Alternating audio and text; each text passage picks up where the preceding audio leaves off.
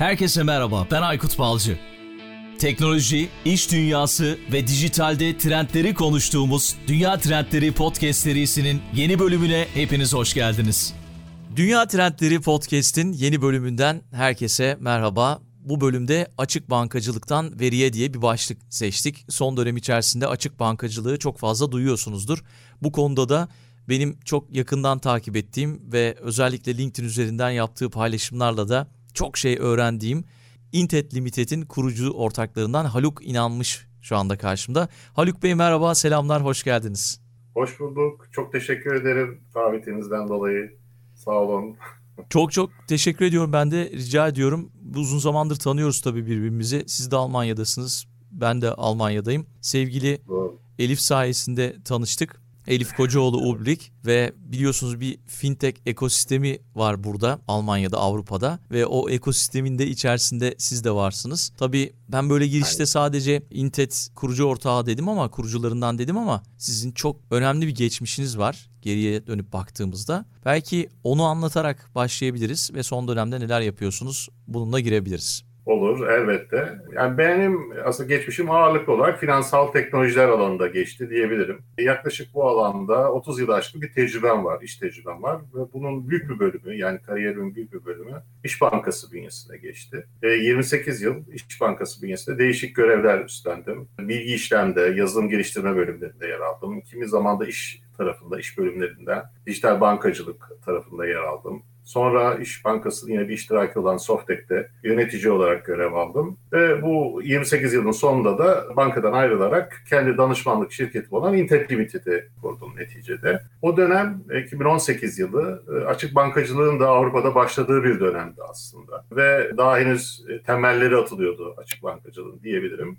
Ve bunu da vesile bilerek Almanya'ya yerleştim e, eşimle beraber ve burada da buradaki küçük ve orta ölçekli bankalara, fintechlere, Frankfurt'ta danışmanlık, eğitmenlik hizmeti vermeye çalışıyorum. Ama Türkiye'de de bağım kopmadı. Yani Türkiye'de de açık bankacılıkla ilgili gelişmeleri yakından elimden geldiğince takip etmeye çalışıyorum. Bir dizi yine ödeme kuruluşu, elektronik para kuruluşu irtibatım var bu anlamda. Birlikte çalışma fırsatı bulmuş durumdayım. Dolayısıyla e, bir kıyaslama, bir karşılaştırma yapma imkanım her halükarda oluyor bu alanda. Ya bu açıdan da aslında mutluyum diyebilirim. Finansal teknoloji alanında özellikle son dönemde Avrupa'da gündeme gelen bir dizi mevzuat oldu. Bu da yine e, benim alanımı işte dijital kimlik gibi, blok zincir teknolojileri gibi, dijital merkez bankası parası gibi alanlara da genişletmede fırsat tanıdı. Özetle bu. Kesinlikle. Ben de yakından takip ediyorum. Siz böyle bu alanlara da ilgimiz olduğu için dünya trendlerinde de birçok kez konuştuk. Özellikle fintechler konuk oldu ya da bu alanda danışmanlık yapan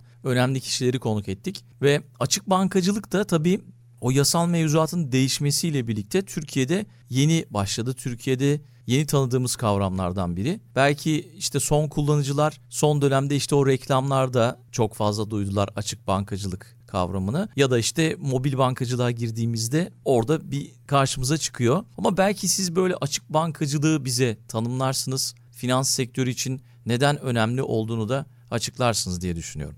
Evet, e, çalışayım. Şimdi tabii açık bankacılık diye bir araştırma yaptığınızda internette değişik tanımlamalar görüyorsunuz. E, kimisi bunu bir mevzuat olarak özetliyor. Kimisi bir e, teknik standart diyor.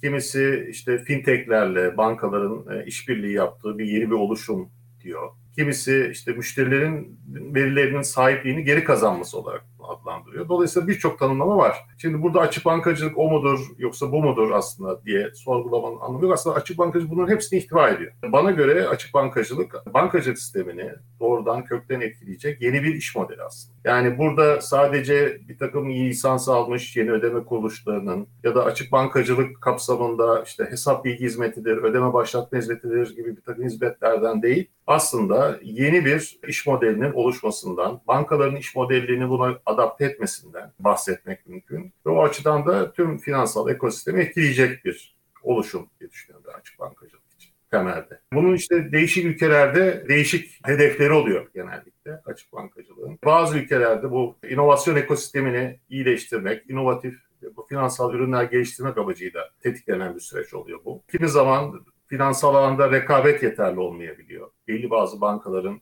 monopol tarzında bir takım ya da oligopol tarzında bir hakimiyeti oluyor finansal piyasada. Bunu kırmak amacıyla kullanılıyor. ülkeler var. Müşteri deneyimi, müşterinin inovatif ürün ve hizmetlere daha rahat ulaşılması gibi hizmet, e, alanlara hizmet etmeyi hedefleyen regülatif değişiklikler var. Ama bunların hangisi olursa olsun yani e, önemli olan finansal ekosisteme ve müşterilere önemli katkıda bulunacak olması açık bankacılık. Peki yani ülkemizde son dönemde duymaya başladık bunu. O yasal sorunlar yani yasal mevzuatlar aşıldıktan sonra mı başladı yoksa daha önce vardı da biz mi duymadık? Yani açık bankacılık aslında bu 64-93 sayılı kanunla sahanın üzerinde gerçekleştirilen değişiklikle hayata geçti diyebiliriz. Hayata geçmesi biraz zaman aldı. Yani bu değişiklik 2019 yılındaydı. 2020 yılında bir yönetmeliğin yayınlanarak Türkiye'de bunun aslında daha netleşmesi hedefleniyordu ama araya tabii bir korona, bir pandemi olayı girince biraz daha gecikti. İşte 2021'e, 2022 hatta daha da halen de süren bir süreç var o tarafta. E, ama onun öncesinde de yani bu e, değişiklik olmadan da bankalarla fintechler işbirliği içerisindeydiler. Fintechler bankaları bir takım ürün ve hizmetlerine erişebilir durumdaydılar müşteriler adına, namına. Dolayısıyla yeni bir kavram denemez buna. Yani olsa olsa bunun yasal çerçevesinin konulduğuna şahit oluyoruz demek mümkün. Ve bir zorunluluk var bankalar açısından bu hizmetleri dışa açmakla Eskiden böyle bir zorunluluk yoktu. Yani bir banka yapmayabiliyordu bu. Müşterinin hesap bilgilerini dışarı açmıyordu ya da ödeme başlatma talimatları almayabiliyordu. Ama şimdi belli bir standarda göre bütün bankaları bunu açtığına şahit oluyor. Hı hı. Değişiklik bu diyebilirim. Benim anladığım açık bankacılıktan şu. Şimdi ben internet şubeme girdim az önce. Burada diyor ki diğer hesaplarınızı da bizim üzerimizden kontrol edebilirsiniz diyor. Ben diğer evet. banka hesaplarını o banka ile paylaşmış mı oluyorum yoksa zaten onlar görebiliyor ama ben sadece tek bir yerden kontrol ediyorum. Evet yani şöyle özetlemek mümkün. O e, ifade edilen hizmet aslında hesap bilgi hizmeti dediğimiz hizmet açık bankacılık kapsamında. Hesap bilgi hizmetinde şöyle bir durum var. E, bir lisanslı kuruluş olabilir bu. Üçüncü taraf ya da third party diye ifade ettiğimiz bu e, hizmeti vermeye e, lisanslanmış bulunan. Bu, buna siz belli rızaları veriyorsunuz ilgili bankanıza. Gidiyorsunuz diyorsunuz ki işte bu kuruluşa şu şu ödeme hesaplarıma erişme, bunların hesap bakiyelerini bana iletme, hesap hareketlerini benimle paylaşma yetkisini ben veriyorum sana. Lütfen bununla paylaş, bu kuruluşla paylaş diyorsunuz. Ve bu sizin verdiğiniz, müşteri olarak vermiş olduğunuz rıza sonucunda e, banka o sizin tanımlamış olduğunuz hesaplara ilişkin bilgileri bu üçüncü tarafa paylaşıyor. Siz bütün bankalara yani hesabınızı bulduğu tüm bankalara aslında böyle bir rıza tebligatlı bulunabilirsiniz diyebilirsiniz. Bunları da paylaş. O da, sen de paylaş diyebilirsiniz. Ve sonunda bu üçüncü taraf bütün bu bankalardaki hesap bilgilerinizi alıp konsolde edip size gösterebiliyor, aktarabiliyor. Böylelikle neyi kazanmış oluyorsunuz? Mesela üç tane e, internet bankacılık çözümü, üç ve üç tane ayrı bankada hesabınız olduğunu varsayın. Üç kere login olmak demek günde. Eğer evet. günde hesap durumunuzu takip etmek istiyorsanız. Halbuki burada bir yerde bir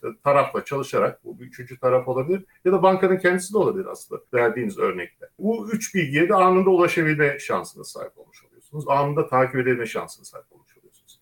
Tabii burada bir handikap var. O da yani handikap mı denir onu da çok bilemiyorum ama bu e, diğer bankalardaki hesaplarınızla ilişkin bilgiler bu yetkiyi verdiği olduğunuz tarafa paylaşılıyor ister istemez. Ama sadece izin verdiğiniz ölçüde paylaşılıyor. Yani ödeme hesapları var bu yasal düzenleme çerçevesinde. Örneğin vadeli hesabınız, kredi hesabınız ve varsa bunlar paylaşılmıyor mesela karşıda. Ve siz zaman aralığını verebiliyorsunuz. Diyorsunuz ki şu zaman aralığı içerisinde paylaştık diyorsunuz. O zaman aralığının dışına çıkıldığında paylaşılmıyor mesela. Ee, tamam. Dolayısıyla tamamıyla sizin vermiş olduğunuz rızaya istinaden, onun kapsamına istinaden bir paylaşım söz konusu. Ve bu e, paylaştığınız verinin de yine sizin izniniz, onayınız olmadan başka bir amaçla kullanılmaması normalde lazım.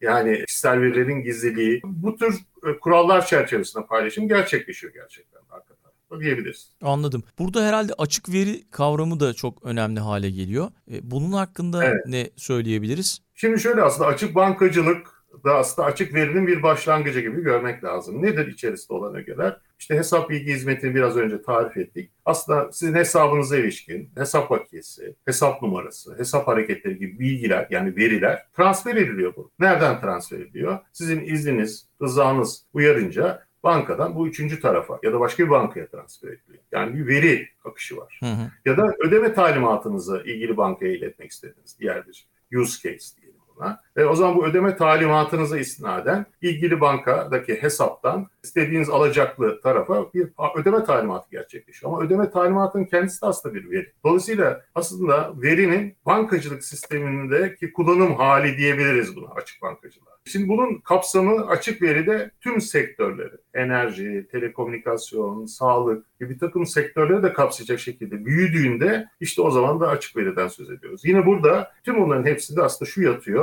Sizin hangi kuruluşta olursa olsun orada saklanan veriler aslında o kuruluşun değil, sizin veriniz. O verileri kiminle paylaşacağınıza, ne kadar süreyle paylaşacağınıza siz karar verirsiniz. Ve sizin talimatınız uyarınca ancak bu paylaşım başlar. Yine sizin talimatınız uyarınca bu paylaşım biter, tamamlanır. E, bu, bunu şu anda bankacılık dünyasıyla başlatmış durumdalar ya durumda bir dizi ülke. Diğer yavaş yavaş diğer sektörlerde bunun penetre ettiğini görüyor olacağız önümüzdeki dönemde. Açık veri başlığı altında ve görüyoruz da hatta yani bunu yapan, uygulayan ülkeler de var. Ee, örnek vermek gerekirse Avustralya'da CDR adı verilen, Consumer Data Rights adı verilen bir regülatif değişiklik gündeme geldi. Orada finansal kuruluşlar tüm verilerini dışarı açmak durumunda. Yani sadece ödeme hesabı değil, bütün hesap bilgilerini, müşteri bilgilerini ne varsa müşteriyi bunu açmak durumunda. Sadece bankalar, finansal kuruluşlar da değil. Akabinde enerji şirketleri var sırada. Ona başladılar şimdi. Bütün enerji şirketindeki verileriniz de ne kadar elektrik tüketmişsiniz, elektrik faturanız ne gelmiş, bütün verileri de onlar dışarı açmak gerekiyor.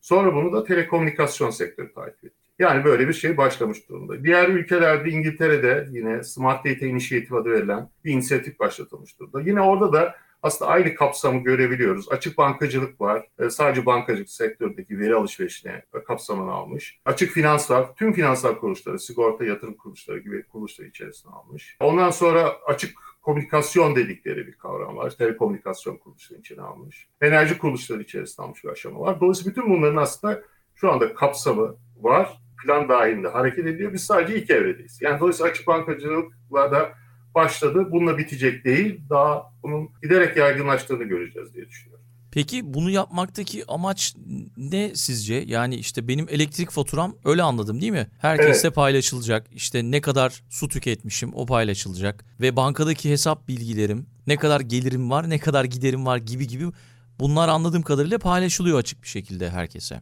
Tabii yani size bir fayda olması lazım. Yoksa e, burada amaç ilgili kuruluşları bilgilendirmek, onların bilmesi gerekenden daha fazla bilgiyi sahip olmalarını sağlamak değil bir tüketici olarak ya da bir ticari kuruluş olarak. Benim Hedeflenen. izin verdiğim ölçüde paylaşılıyor değil mi? Onu Aynen. Galiba. Ha. O, o çok önemli ve size bir hizmet vermesi lazım. Bir örnek verelim. Şimdi özellikle son dönemde Avrupa'da elektrik fiyatlarının yükseldiğinden, gaz fiyatları, enerji fiyatları yükseldiğini görüyoruz. Bu noktada bir dizi e, ev ya da e, sahibi e, değişikliğe gidiyor enerji kaynakları konusunda. Evet. İşte güneş panelleri koyduranlar var. ısı pompası koyduranlar var. Yani bir dizi böyle büyük kapsamlı projelere adım atıyorlar. Bunun giderek hızlandığını da görüyoruz. E şimdi bu projelerin az buz maliyeti olan projeler değil. Belli bir yükü tutuyor. Ve bu çerçevede krediye finansman ihtiyaçları doğuyor. Şimdi diyelim ki finansman ihtiyacı için bir bankaya müracaat ettiniz. Dediniz ki benim böyle bir projem var. Güneş paneli yaptırmak istiyorum. Şimdi o projeye onay verirken, finansmanını sağlarken e, senin mesela ya da sizin e, enerji tüketimine bakmak isteyebilir banka. Evet. Ya sen ne kadar elektrik tüketiyorsun şu ana kadar? Ne kadar böyle şeyin var ki sen böyle bir şeye girdin? Ne zaman çıkartacak senin için bu? Feasible mu? Değil mi? Gibi bir takım şeylere bakar, bakmak isteyebilir. Şimdi bu enerji bilgileri ama bankanın elinde olan bir bilgi değil. Bu enerji kuruluşunda saklamış olduğunuz veriler. Ne yapıyorsunuz siz? Belki gidiyorsunuz enerji kuruluşuna. Eğer elektronik olarak bağlanabiliyorsanız oradan bir döküm alıp bu dökümü yine dijital kanalla e-posta yoluyla ya da basarak şubeye giderek vermek suretiyle bu talebinizi sonuçlandırabiliyorsunuz. Açık veri dünyasında bu iki kuruluş birbirleriyle etkileşime geçiyorlar sizin rızanız konusunda. Yani siz o anda diyorsunuz ki enerji kuruluşlarınıza sizin bu elektrik verilerinizi tutan, elektrik almış olduğunuz, kullanmış olduğunuz, tüketmiş olduğunuz bana şu şu şu verileri, sana bu şu şu verileri bu bankaya transfer etmek üzere yetki veriyorum diyorsunuz. Rıza veriyorum diyorsunuz. Ve yine bankada sizin talebiniz üzere o enerji kuruluştan istediği tüm verileri alabiliyor. Dijital olarak alabiliyor. Ve dijital olarak aldığında kağıttan bunu ekrandan girmek suretiyle operasyonel maliyetleri azalmış oluyor finansal kuruluşun. Ve süreç hızlanmış oluyor. Anında yapılabilir. İlla da şubeye de gitmenize gerek yok. Evden tetikleyebiliyor olabiliyorsunuz.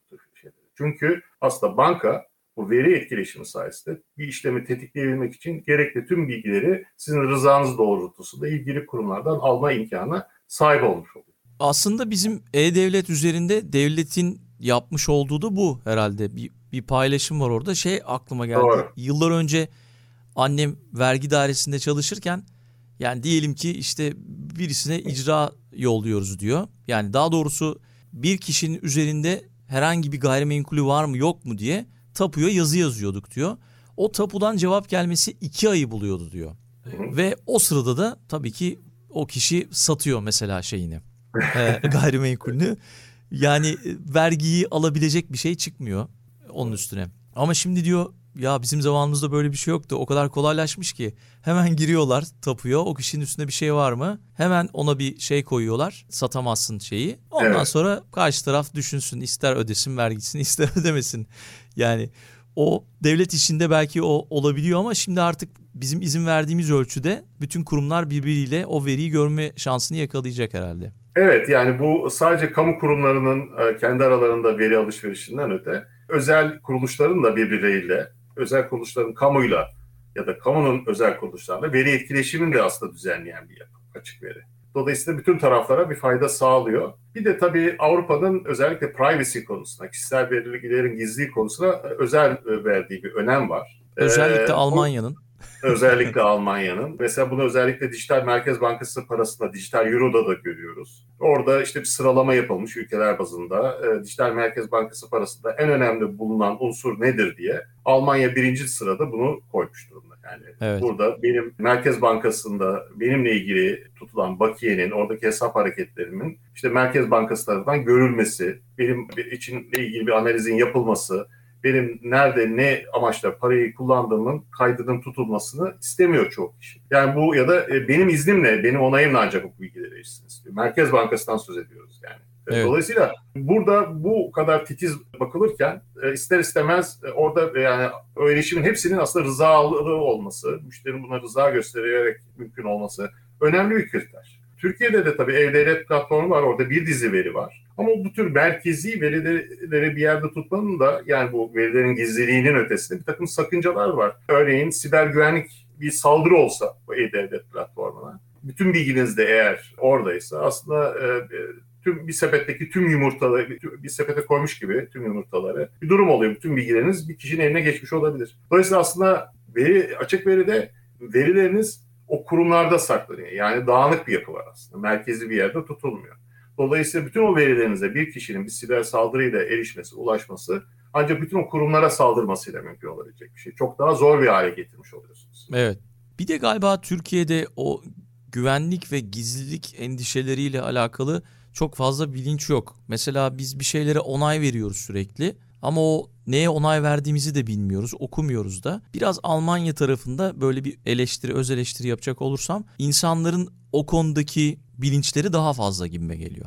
Evet yani çünkü baştan beri hep buna göre yetişmiş ya da bu mentalitede büyümüş olmanın bir gerekliliği diye düşünüyorum. Bunun hani hep böyle e, olumlu yansımaları olmuyor insan hayatı. Demokratik tarafta bakıldığınızda elbette olumlu bir davranış gibi düşünebilir ama örneğin pandemide de bunun bir düzey olumsuz yanına bile e, şahit olduk Almanya'da diyebilirim. Örneğin çıkarmış oldukları korona takip uygulamasında siz hastalığa geçirmiş olan bir kişinin bir, e, onay vermemesi halinde onun verilerinin paylaşılmaması, onun belki hastalığı bulaştırmış olduğu kişilerin bile bulunamaması gibi takım riskler var. Çünkü rızası evet. yoktu o kişinin bu işi vermeye. Yani bazıları diyebiliyor maalesef hastalığı geçirmiş. Sonrasında diyor ki tamam ben hastalığı geçirdim ama başkalarının duymasına gerek duymuyorum. Bilgilerimizi paylaşmama izin vermiyorum diyebiliyor. Kimsenin yapabileceği bir şey kalmıyor bu.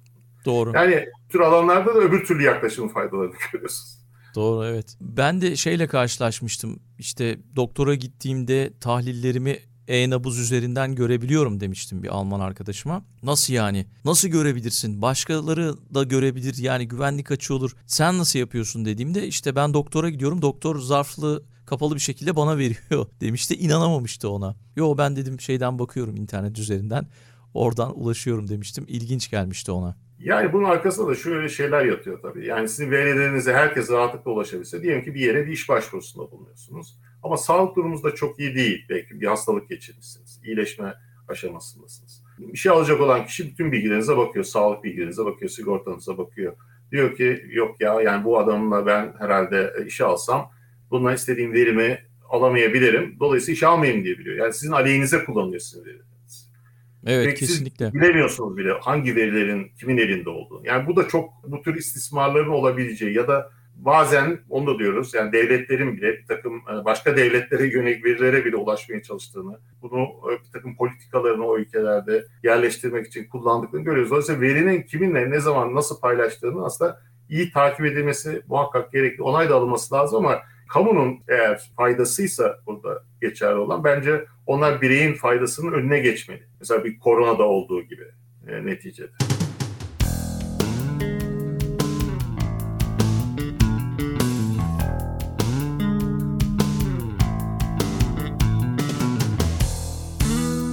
Faydalarından bahsettik açık bankacılık ve açık verinin. Başka neler ekleyebiliriz faydalar konusunda? Yani şöyle diyeyim aslında üç kategoriye ayırabiliriz açık bankacılığın ya da açık verinin faydaları. Özellikle açık verinin faydalarına dediğim. Yani bir bireylere bir dizi faydası var. Neydi e, faydası var? İşlemlerin hızlı bir şekilde gerçekleşiyor olması, müşteri deneyiminin iyileşiyor olması, onlara farklı hizmetleri istedikleri gibi seçme imkanının tanınması. Mesela şöyle diyeyim, bir bankada hesabınız var, orada tutuyorsunuz uzun süredir. Orada faturalarınızı da ödüyorsunuz, fatura ödeme talimatı vermişsiniz, sürekli ödeme talimatları vermişsiniz, bir kredi kartınız var. Ama aslında çok da memnun değilsiniz, masraflar yüksek ve aslında başka bir bankaya geçmek istiyorsunuz.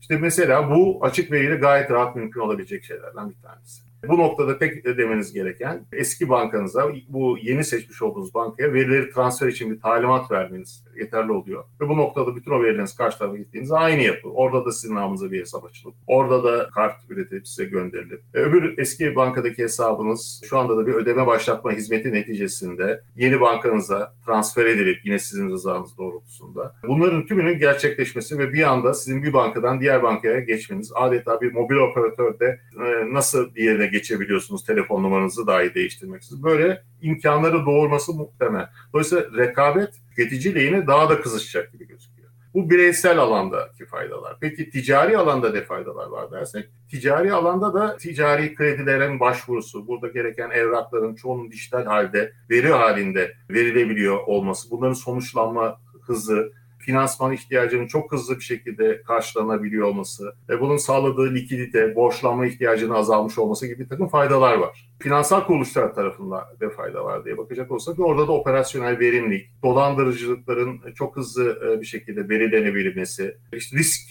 kredi riskinin, kredi risk skorunun ilgili ticari kuruluşların ya da bireylerin çok daha detaylı bir şekilde değerlendirilebiliyor olması, sadece finansal dünyasına bakarak değil, başka yerlerdeki aktivitelerine bakarak ki bunu şart koşabilir bir finansal kuruluş. Ben sana şu krediyi vermeden önce şu şu şu bilgilerine de ihtiyacım var değil ve siz buna rıza vererek paylaşına izin vermeniz halinde bir kredi skoru üretin. Belki şu anda aldığınızdan şu anda çok yüksek bir faiz oranı yani bu iyiye de yorulabilir.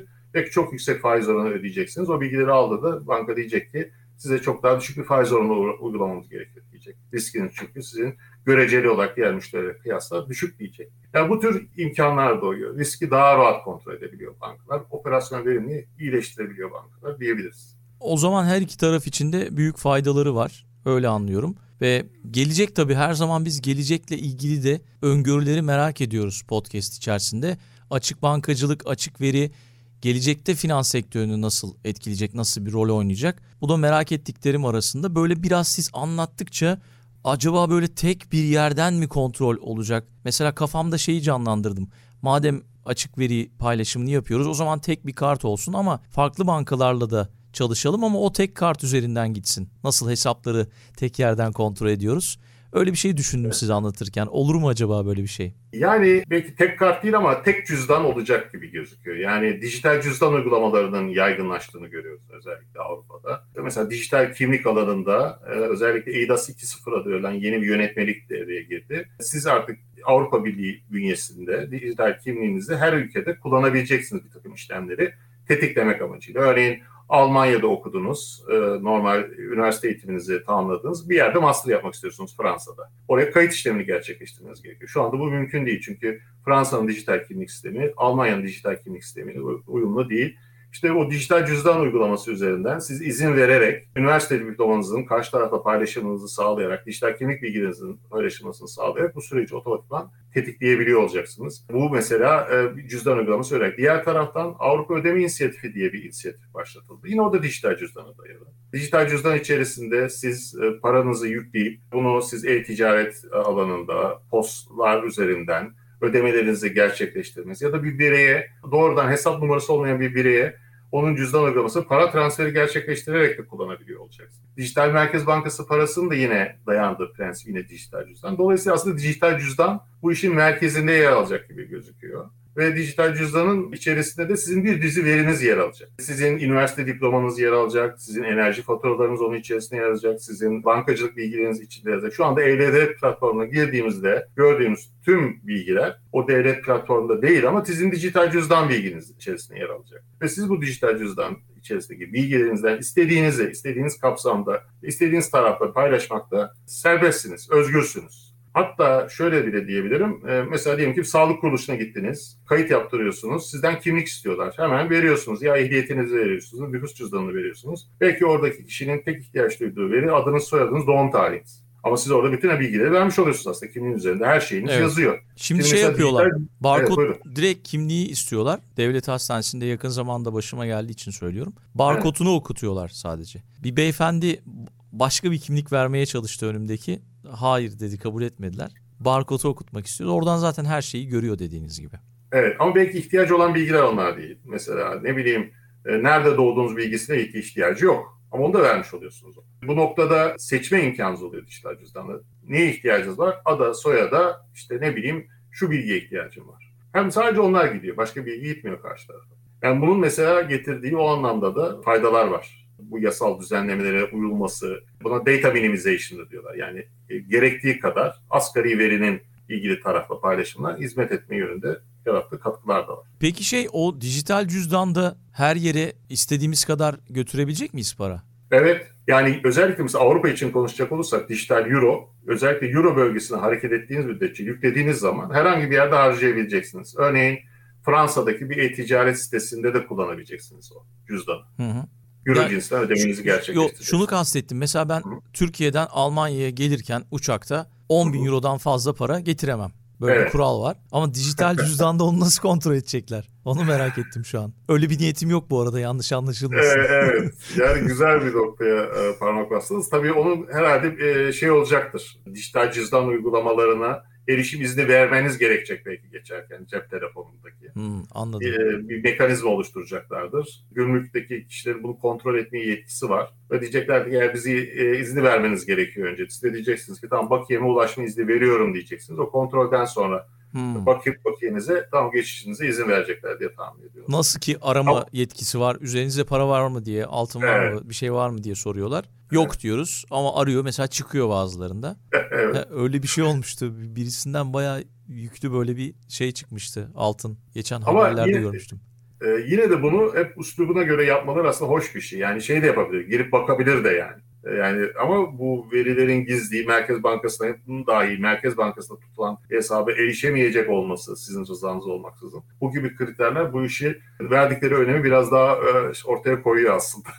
Evet doğru. Her şeyi konuştuk herhalde. Böyle açık bankacılık konusunda eğer ilk defa duyuyorsa bizi podcast'i dinleyenler eminim ki bir farkındalık yaratmışızdır diye düşünüyorum. Belki son sözleri alırız sizden. Sonra da bir kitap önerisi isteyeceğim. Sonra da veda ederiz. Olur elbette şunu demek istiyorum dinleyicilere. Özellikle açık veri çok enteresan bir noktaya doğru gidiyor. Bu noktada sürecin 2024'ten itibaren daha da hızlandığını görüyor olacağız. Ve burada buraları, bu alanları takip etmekte, burada bunun sağlayabileceği faydaları takip etmekte fayda var. Yine bu alanda teknolojik girişim kurmak isteyen kişiler varsa onların fikirlerini biraz daha büyük görmeleri lazım. Yani açık bankacılıkla ilgili bir hizmet nasıl yapabilirimden ziyade bunu ileride büyüyeceğinin, daha geniş bir alana yayılacağının farkındalığıyla oluşturacakları çözümü bu çerçevede baştan tasarlamalarında fayda var. Eğer bunları yaparlarsa e, önümüzdeki dönemde oldukça iyi bir konumlanmış bir halde faaliyetlerini sürdürebileceklerine inanıyorum ben.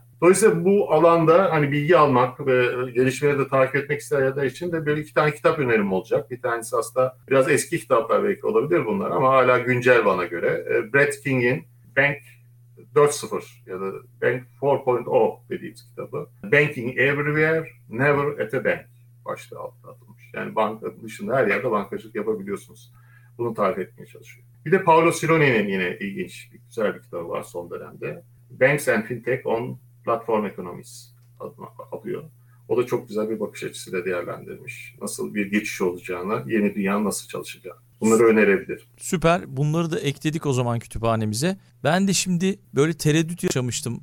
İnternet bankacılığında o açık bankacılığı kullansam mı kullanmasam mı diye. Şimdi bir yine bir şey oluştu böyle bir aydınlanma oluştu sayenizde.